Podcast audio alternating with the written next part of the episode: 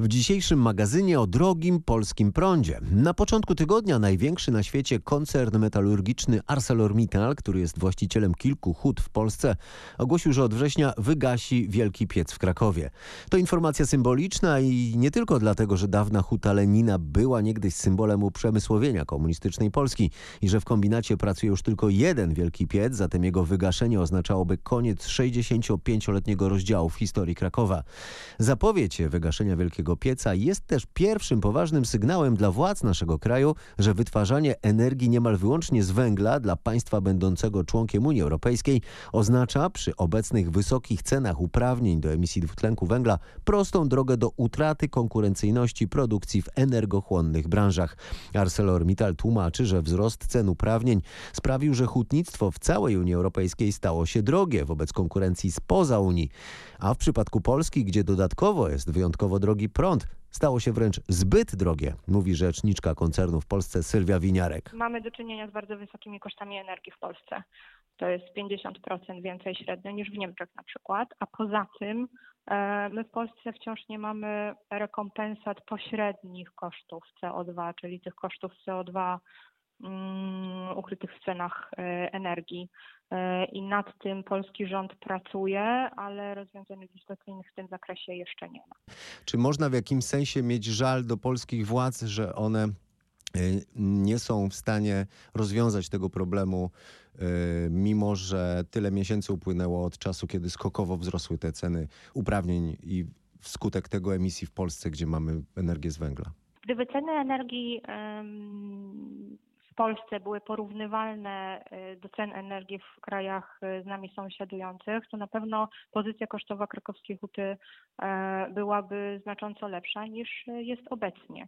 E, Natomiast tutaj jest potrzeba działań dwutorowych i na poziomie e, Polski w kontekście rekompensat pośrednich kosztów CO2 i kosztów energii oraz na poziomie Unii Europejskiej, która Rozumiem. powinna wzmocnić e, środki ochrony swojego własnego rynku przed napływem e, importu po znacznie niższych cenach. Unia Europejska powinna w bardziej efektywny sposób chronić swój rynek, bo wie pan, no wszyscy korzystamy ze stali, a ta stal produkowana jest w skali globalnej i handel nią też się odbywa w skali globalnej, więc to nie jest tak, że stal zniknie z rynku, tylko ten import do Europy będzie się zwiększał, jeżeli Europa nie będzie chronić swojego rynku przed e, napływem takich produktów. Dlatego rzeczniczka koncernu ArcelorMittal w Polsce Sylwia Winiarek w imieniu swojego pracodawcy proponuje, by Unia Europejska wprowadziła dodatkowe importowe opłaty na stal. E, Branża stara się więc o podniesienie barier dla importu, a w Polsce stara się o zapowiedziane w zeszłym roku rekompensaty od rządu za drogi prąd. Od razu po ogłoszeniu planu wygaszenia produkcji w Krakowie doszło do spotkania przedstawicieli rządu i koncernu. Minister Jadwiga Emilewicz przyznawała potem, że przez przedłużanie się niepewności powstał poważny chaos. Nie jest tajemnicą, że wiemy, że wielu przedsiębiorców w Polsce przestało dostawać rachunki za prąd, dlatego że dystrybutorzy nie wiedzą, jakie rachunki mają wystawiać. Zatem to jest ostatni miesiąc naprawdę, kiedy ten, tę sytuację powinniśmy uregulować. Rząd ma jednak kłopot, bo projekt udzielania pomocy dla energochłonnych zakładów jest podważana w Brukseli jako niedozwolona pomoc publiczna łamiąca unijne zasady konkurencji. Wkrótce ten problem powinien y, zniknąć, y, obiecał w piątek premier Mateusz Morawiecki. Czekamy na ostateczną zgodę Komisji Europejskiej.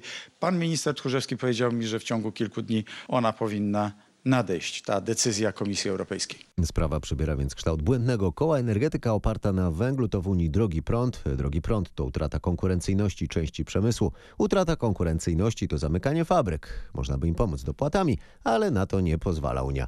Tymczasem Polska jest jedynym dużym krajem Unii Europejskiej, w którym rośnie emisja dwutlenku węgla. Według raportu Eurostatu sprzed kilku dni w zeszłym roku emisja CO2 w Polsce wzrosła o 3,5%.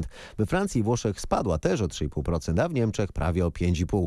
W efekcie w zeszłym roku Polska wyprzedziła na liście największych w Unii emitentów CO2 Francję i Włochy i znalazła się na trzecim miejscu za Niemcami i Wielką Brytanią. Dzieje się tak dlatego, że w naszym kraju rośnie produkcja przemysłowa i zużycie prądu, a ponieważ, jak już mówiłem, prąd mamy niemal wyłącznie z węgla, rośnie też emisja CO2. W większości krajów Unii emisja spada, bo po pierwsze produkcja tradycyjnego przemysłu tam nie rośnie, a po drugie polityka Brukseli, która każe słono płacić za emitowanie CO2, skłania do odchodzenia od węgla. To wszystko w dzisiejszym magazynie ekonomicznym RMFFM. Przy okazji zapraszam na fakty ekonomiczne od poniedziałku do piątku 7.30 i 17.30.